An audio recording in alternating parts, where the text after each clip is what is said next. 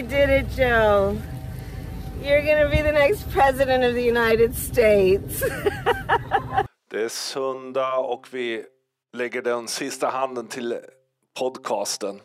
När vi spelade in den i fredags som ni kommer höra så visste vi inte hur det hade gått. Nu vet vi. Joe Biden är vald till nästa amerikanska president.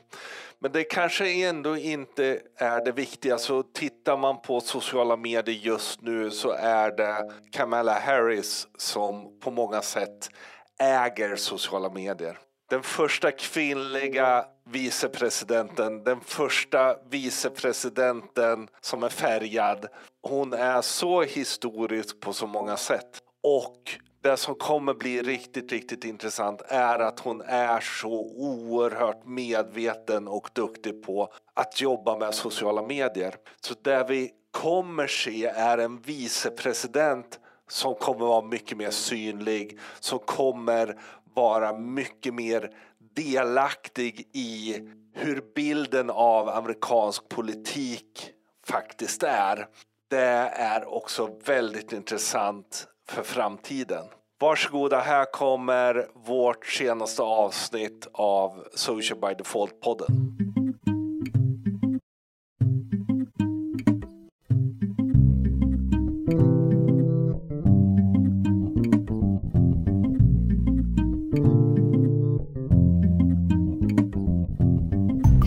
Här är podcasten Social by Default tillbaka igen och precis som vanligt är det jag, Sara Larsson Bernhardt, som tillsammans med Deeped Niklas Strand driver den här podden. Vill ni kommentera dagens avsnitt eller har idéer för framtida avsnitt? Twittra till oss med hashtaggen Social by Default eller prata med oss på vår Facebook-sida alternativt vårt Instagramkonto. Hej Sara! Hej Niklas! Hur är det? Det är bra. Ja. Det är fredag. Det är ovanligt för oss att spela in en fredag eftermiddag. Ja, efter en lång vecka av arbete och Mm. spänning. Ja, man är ju lite dränerad på spänning kanske man ska säga. Det har ju varit ganska mycket. Ja, men dels är det ju presidentvalet. När vi spelar in det här så är det Mm. inte klart och det är ju jämnare än jämnt på många sätt. Så det har ju varit liksom sen i, vad är det, tisdags kväll Tisdags. som det började. Mm. Och sen har vi ju haft släppet för iPhone Pro Max idag Mm. och det var ju spännande. Frågan är vilket som gav dig mest puls, presidentvalet eller släppet av iPhone Pro Max? Snart har vi nya telefoner. Det är också kul. Alltid roligt. Och jag har en ny mick. Det blir spännande, det blir sen Mm. när vi klipper. Mm. Ja. Och det är ju helt enkelt för att eh, min gamla mick fungerade väldigt bra förut när jag hade lite större plats. Nu har jag inte det. Vi gillar ju Shure du och jag egentligen. Jag, är- jag är Mm. ju SM58 evangelist och nu har jag då en Shure MV7. Så ja, spännande. Alltid roligt. Hur har din vecka varit för övrigt? Ja men den har varit bra. Jag har varit hemma. Det är min hemmavecka. Mm. Vi kommer fortsätta göra sån här varannan vecka. Den har varit ovanlig därför att du har också jobbat hemma. Mm. Vilket innebär att vi, det har varit lite som förut. Ja, de kom ju ut med nya eh, råd för Västra Götaland för en och en halv vecka sedan. Och eh, då valde jag faktiskt att investera i en lite större skärm så att jag sitter med, med dubbla datorer och eh, har suttit hemma den här veckan. Men måste erkänna att gud vad jag saknar kontoret. Så jag kommer nog pendla lite framöver. Mm. Och framförallt sen när de här råden kanske förhoppningsvis sjunker, Mm. att gå tillbaka. Sen åtminstone sist vi spelade in att Mm. allting har vänt. Ja, och det ska bli intressant att se, för nu är vi ju tyvärr, då måste vi säga, inne i en andra våg. Det som förutspåddes kanske redan före sommaren att vi skulle hamna i, när det började bli kallare. Mm. Och stora delar av Europa går in i en, åtminstone semi-lockdown. Mm. Det är inte så mycket det professionella livet som påverkas. Folk som kan sitta hemma och jobba sitter ju självklart hemma, utan det är snarare det privata livet som påverkas väldigt mycket när man har eh, utegångsförbud och så på kvällarna. Och det ska bli intressant att se hur kommunikationen förändras, eller om den förändras igen på samma sätt nu när vi är liksom inne i månad nio av en coronapandemi, Mm. där vi agerade extremt mycket i mars, april, maj, men kanske nu har det kommit in i någon slags vardagslunk. Mm. Så det tycker jag ska bli intressant att analysera och titta på. Vi går in i månad nio nu. Det innebär att de första coronabarnen mm. kommer födas nu då alltså. Vi får väl se, babyboom. Det blir intressant att se också om det här påverkar sociala medier lika mycket som det gjorde förra gången. Nu är vi ju igång. Det, det jag tycker mm. mig se är att det är så otroligt mycket digitala event nu att det blir svårt att få samma tryck på dem som det gick i liksom april, maj när alla var liksom, mm. åh, jag måste göra och jag sitter hemma. Nu är det mm, svårt. Jag tror att folk är kanske generellt sett lite trötta på att uh, medverka och lyssna in och ringa in till digitala event om man inte känner att det här är precis den här typen av information som jag vill ha. Samtidigt som jag också tror att företagen som kanske kastades ut i tvångsmässiga digitala event i våras nu har investerat, lärt sig och blivit mycket mer professionella nu när de går in i den här andra vågen. Att man vet hur man ska hosta och man kanske har bättre förberedelser och bättre verktyg för det. Och samtidigt så tror jag det finns en fara i att man gör bara digitala event och därmed gör alla precis på samma sätt och liksom hamnar i en lunk som gör att man inte mm. är så kreativ och tänker nytt. Det finns hela tiden att fundera över ja, men varför ska folk titta på det här? Varför ska man göra det här? Hur ska vi berätta om det för att faktiskt få upp bättre tryck? Mm.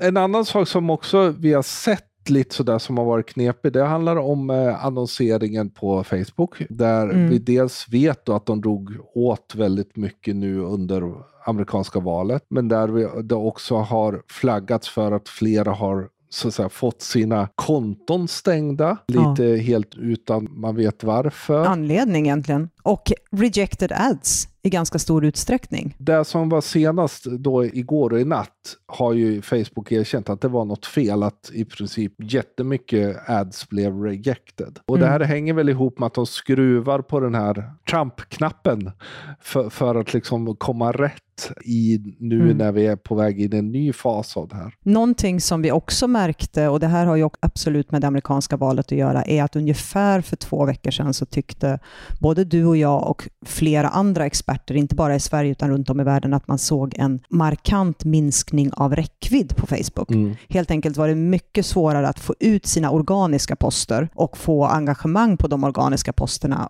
återigen för att kanske minimera risken för virala poster med fake news eller missinformation eller liknande. Förhoppningsvis skruvar de tillbaks det igen sen, för det vore tråkigt om det stannar. Ja, och precis. Och eh, den är ju väldigt intressant, för det är liksom hur mycket kommer de att skruva tillbaka den? Det, det har varit en kritik mot dem i det här väldigt länge. Frågan är om de kommer fortsätta ha det ganska åtskruvat, vilket då innebär att man behöver gå på köpt. Men det har också varit ganska svårt att nå räckvidd de senaste veckorna med köpt. Mm. Jag har pratat med flera som jobbar med det och där, där det är frapperande dåligt vissa gånger. Men, men vi får väl se. Men, men det, är ju, det märks ju att det, på det sättet har ju Facebook någonstans erkänt att man är väldigt stor. Förra mm. valet var det så här, men vi är bara en teknisk plattform, vi har inget med det här att göra. Men man har på något sätt ändå erkänt att man ju faktiskt har en påverkan. Och även om de sätter kanske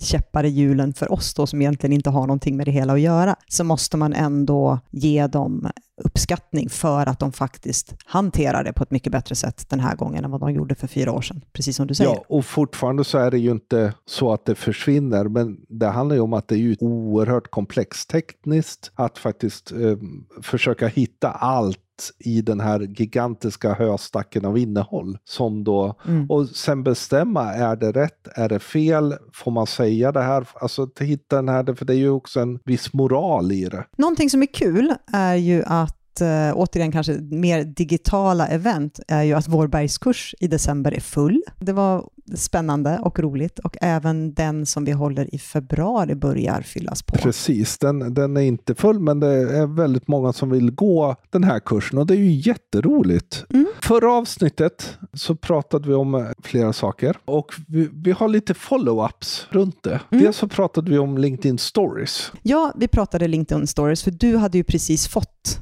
tillgång till det och det var ju ganska nytt. Jag har ju dessvärre då fortfarande inte fått det, vilket gör att jag är lite småsur vid det här laget. Det är ganska fascinerande. Liksom. Ja, men jag brukar ju vara tidig på andra ja, saker. Du brukar så... ju testas på massa saker, men det här minsann. Då hade man inte hunnit titta på så mycket. Du frågade ju mig idag, använder du det mycket? Och jag kan ju lugnt säga, jag tittar ju aldrig på det. Men är det, det måste ju vara en vanesak också, kanske? Ja, men, men om du tänker själv, tänker du att du ska gå in på LinkedIn, är det stories man går in för eller är det för det andra? Nej, alltså jag går ju in för, för innehållet i kanalen. Sen med tanke på att jag inte har fått det då så kan jag ju inte heller se några stories och det är ju lite synd för det innebär ju att det är bara ni, och det här pratade vi om i förra avsnittet, att det är en liten ut, utvald exklusiv skara som kan se varandras Mm. stories. Jag sitter ju dessutom ganska mycket på desktop och jobbar och scrollar LinkedIn. Så att än så länge så funkar det ju bara mobilt, Mm. så jag vet inte riktigt hur, hur det här beteendet är. Mm. Men jag tycker jag ser inte så mycket uppdateringar. För jag tänkte, åh, nu har jag inte varit här på ett tag, nu kan det vara jättemycket. Men nej, det är inte så många som använder. Väldigt få sidor eh, som gör det. Du och jag pratade ju ganska mycket om det, just det här att stories på LinkedIn är ju upplagt ungefär som stories på Instagram, vilket innebär att när du interagerar med en story så hamnar det i direktmeddelanden Mm. Hos den personen som har skapat det. Men sidor på LinkedIn idag har ju ingen DM-funktion, Nej. vilket innebär att i dagsläget kan du alltså inte interagera med en story som en sida lägger ut. Nej. Och det här har ju ställt lite följdfrågor från vår sida. För vi har ju tidigare funderat på varför LinkedIn fortfarande inte har en direktmeddelande funktion för sidor, eller en kundservicefunktion om man då ska säga det med tanke på att det är ett professionellt nätverk. Och om de nu har lanserat stories där det finns en interaktionsmöjlighet, då är ju frågan om vi tittar framåt i pipen, om de kommer implementera en direktmeddelande funktion för sidor också. Därför de kan ju det, därför de har ju så många andra interaktionsmöjligheter när det gäller att söka jobb och massa sådana Mm. saker. Men, men det här har man inte valt att göra någonting åt. Eh, och därmed blir också stories kanske mindre intressant i vissa fall att använda för en sida. det som kan ge mig lite ont i magen då är ju om de nu skulle implementera en, en direktmeddelande funktion Mm. för sidor, innebär ju det att man även flyttar över kundservice eller kundtjänst in på LinkedIn. Mm. Ungefär på samma sätt som vi jobbar med Instagram idag eller Facebook idag. Mm. Men vår utmaning är ju då att vi har ju en sida där vi publicerar och targetar på massa språk. Mm. Och hur blir det då när du helt plötsligt får en direktmeddelande funktion Mm. där du kan prata till oss på alla språk i hela världen? Det som kommer ju hända där är ju att man får ju lov att se till att varje land har någon som då åtminstone är community manager eh, Mm. och helt enkelt göra assignments i då systemet som man får in det i. Här kommer det ju bli en utmaning för då eh, social media management systemen att, att faktiskt lösa det här väldigt smutt för det börjar bli många olika kanaler som också har DM. Mm. Men, men jag tror ju att man kommer få lov att tänka till runt det här och fundera hur man faktiskt bygger upp sitt supportnätverk. Li- LinkedIn är ju ett ett problem i sig att de är ju väldigt stängda också med API.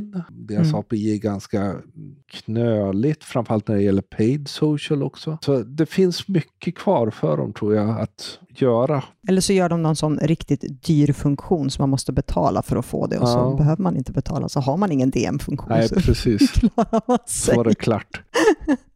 Vi pratade också förra avsnittet om eh, det här med ambassadörer och att vara ambassadör i sociala medier och så. Mm. Och då sa jag någonting om, sen kan man ju tagga sin kund och sa lite snabbt att det kan inte vi göra eftersom vi får ju inte berätta om någon är kund faktiskt i vår bank. Och vi fick också en lyssnarfråga från Viktor Nord om det verkligen är vettigt att göra det. Och jag var nog lite snabb där, därför vi har pratat lite om det och det kanske inte alltid är så smart att göra det. Nej, alltså det ställer ju frågan på sin spets från flera olika perspektiv. Det första är om du taggar en kund. Vad händer med alla andra kunder? Ska du börja tagga kunder i varenda postning för att inte utelämna någon? Mm. Sen finns det ju eh, väldigt många företag, och det här upplevde ju vi också när vi jobbade som konsulter, att man vill inte outa sina kunder. Eller kunderna vill inte outa att de samarbetar med ett visst Nej. företag. Vilket gör att eh, jag skulle nog säga att säkrast är att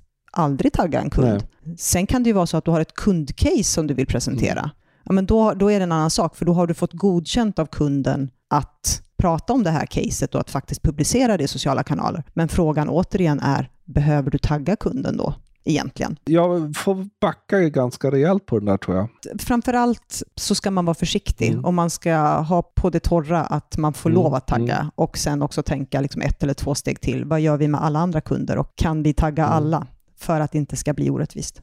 Men en bra fråga. Mm, och samma är ju med samarbetspartners också, även om det kanske inte är lika känsligt ibland. Men, äh, ja. men eh, i andra saker där, om, om du tänker på, vi diskuterade mycket runt det med ambassadörskap. Vad är det mer för saker som man faktiskt behöver tänka ännu mer på idag. Tillbaka till stories då och tillbaka till LinkedIn stories. För det är ändå så att det är ju kanske vanligare att man som person använder en storyfunktion även om det är många företag som gör det också. Det, det jag kan fundera på är, eftersom vi som personer idag är vana vid Instagram stories och kanske Facebook stories som är väldigt personliga, mm. där vi visar vår omvärld och vi visar våra vänner och vad vi gör och sådär. Det beteendet, om vi nu tar in det och plockar in det på LinkedIn, så behöver man ju tänka efter återigen en eller två gånger, för på väldigt många företag så finns det ju fotoförbud man får inte lov att filma. Och det behöver man ju ta med sig i en situation att vi faktiskt är på en helt annan plattform där det finns andra spelregler och om du inte jobbar då i offentlig sektor, åtminstone har lojalitetsprincipen, vilket innebär att du behöver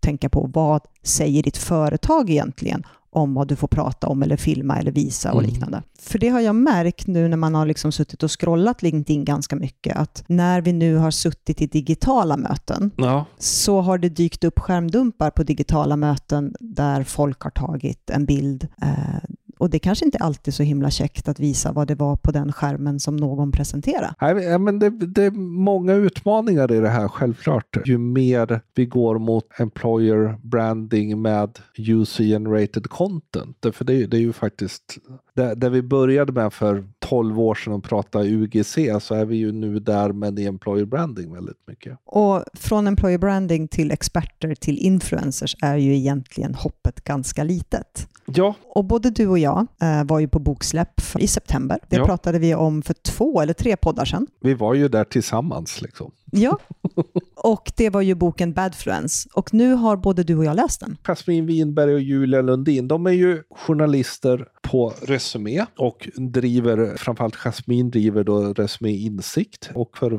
full disclosure så har jag skrivit för dem under flera år, men gör det inte längre. Men de har skrivit den här boken om då, den heter ju Badfluence, men jag tycker att den, namnet verkar mer negativt än boken nödvändigtvis är. De har ju granskat framförallt svenska influencerbranschen de senaste mm. åren, hur den har utvecklats och några av våra allra största influencers. De har gjort ett antal test, de har gjort ett antal nedslag, väldigt mycket intervjuer för att någonstans kartlägga hur ser det ut idag? Vad finns det för regler? Vad följs? Vad följs inte? inte? Var finns moralen? Var finns etiken? Och alla de här funderingarna som vi kanske ställer oss, men ingen någonsin har riktigt kunnat svara på egentligen. Mm. Vad tycker du om boken i stort? Om, om vi börjar i den änden. Jag tycker att de har gjort ett fantastiskt jobb jag tycker den är, det är fart i boken, den är väldigt lättläst. Jag tror jag läste 80 av boken på tågresan från Stockholm ner till Göteborg. Och den ligger någonstans runt 300 sidor. Väldigt matnyttig. Precis, för den är lättläst, mm. men, men, inte på det där sättet att man, man skummar igenom den, utan den är välskriven. Det, det märks mm. att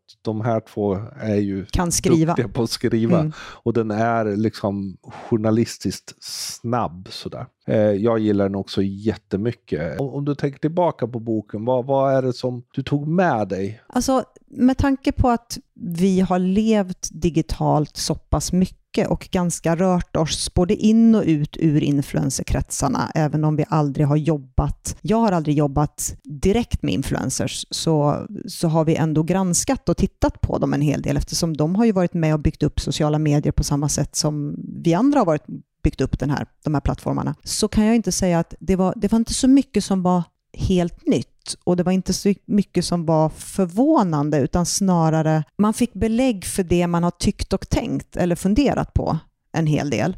Mm. Sen var det kanske vissa etiska och moraliska delar som jag fick ont i magen av när jag läste, med tanke på att jag har en dotter som är 14 och en son som är 12, där influencers till väldigt stor del är en naturlig del i deras vardag. Mm. Vad tyckte du själv? Det var ju inte någon av storiesarna som var ny, men det som jag tyckte om var att jag fick en timeline delvis. Mm. Även om den inte är sådär, liksom, det är ingen historisk bok, det är ingen historiebok. Men, men det fanns en timeline i det som jag gillade. Det, det som jag tog med och som du och jag har pratat jättemycket om i och med den här boken också, det är, är ju just det här att influencers säger åh det här är ett riktigt jobb, det, vi vill att mm. det ska vara sedd som ett riktigt jobb. Men sen uppträder som ursäkta, idioter ibland och framförallt nonchalerar då att faktiskt vara riktigt professionella. Det är väl där etiken och moralen till viss del kommer in. Mm. För vi pratade ju jättemycket om det, för det är just där också jag någonstans känner att den här boken blir så viktig. För jag förstår många influencers och framförallt de som är professionella på riktigt, tycker att det ska vara ett, vara ett yrke att man ska se det som ett yrke. Men det finns så mycket andra baksidor här som också lyser igenom som gör att så länge de har en del av dem som inte uppträder som en professionell yrkeskategori så kommer det bli svårt för dem att få en yrkesroll kategoriserad som influencer. Det handlar ju om flera nivåer. För dels handlar det ju om att faktiskt uppträda professionellt gentemot sina kunder. För mm. där tar de ju upp sådana saker som H&M och Little Ginger. Där hon liksom först är H&M och så sen får reda på något om barnarbete och plötsligt bara dissar det hon har jobbat med mm. innan. Alltså där finns ju ändå någon sorts professionalitet man måste förhålla sig till som influencer. Också lite deras syn på sig själva där, och det här kan man ju diskutera bra eller dåligt utifrån hur de har valt att lägga fram det i boken, men det här att de, de tycker de är så stora så de nästan hotar journalister i vissa mm. fall. Eller tycker att, ja men sluta skriva om det här, vi är ju på samma sida eller det är systerskap och någonstans att inte förstå att, ja men om ni vill vara ett professionellt jobb så kommer ni också bli granskade. Tack och ta emot. Och, och, det är ju egentligen bara början av det. Den andra delen av det handlar ju om misstanke om köpta följare, misstankar om konton som växer extremt snabbt under en väldigt kort period med ganska jämna följarskaror. Eh, man går in och granskar och tittar och upptäcker att det inte riktigt är eh, riktiga konton bakom. Det här med tagga, att man har samarbeten där man upplever att det inte är alla som gör det. Jag menar, i en professionell värld, då är det en no-brainer. Då gör du det. Och där tycker jag att eh, innan de får bukt på det, oavsett om eh, reglerna är luddiga eller inte, så måste de ju föregå med ett gott exempel. Framför allt de som är riktigt, riktigt stora. Så länge de inte taggar på riktigt om samarbeten eller betalning eller liknande, då kommer ju de influencerna som är up and coming inte göra det heller, för de influeras ju av de som de imponeras av. Framförallt om man ser de riktigt eh, me mega-influencerna inte göra det så blir det ju också orättvist om man själv försöker spela på ett professionellt sätt. Därför det är självklart att det blir lite bättre om någon tror att de faktiskt tycker så och inte betalar för det. Men självklart, alltså alla gör inte det. det. Det jag kan tycka att de missar är ändå lite att lyfta en del av de som är riktigt duktiga på det och verkligen jobbar för det och försöker driva den här utvecklingen framåt. Så därför det, det, det blir lite ibland journalistiskt att nu ska vi ta alla de dåliga sakerna för att bevisa vår tes. Det, det kan jag ibland känna som följer så mycket influencers så jag vet det bra på det mm. här. Ett litet sidospår. Du och jag tittade ju på eh, den senaste Netflix-dokumentären som faktiskt heter Follow Me, som, som just handlar om influencers, där de tar upp lite av de här delarna som också tas upp i boken. Och jag vet att jag fastnade och där är det framför allt kanske influencers i Mellanöstern de tittar på, som också har skapats i stora plattformar. Och där tyckte jag genomgående, det var flera stycken som sa att ju fler följare jag får, desto större ansvar har jag gentemot min följargrupp. Att faktiskt fundera på vad det är jag lägger ut med tanke på att jag har en så stor påverkan som jag har, så kan jag inte säga vad jag vill eller tycka vad jag vill, för jag måste konsekvensanalysera. Mm. Lite av det plockas också upp i den här boken och jag tror fortfarande att det där kan vara nyckeln till varför det idag kanske fortfarande är svårt för dem, bland annat att få det som ett kategoriserat yrke.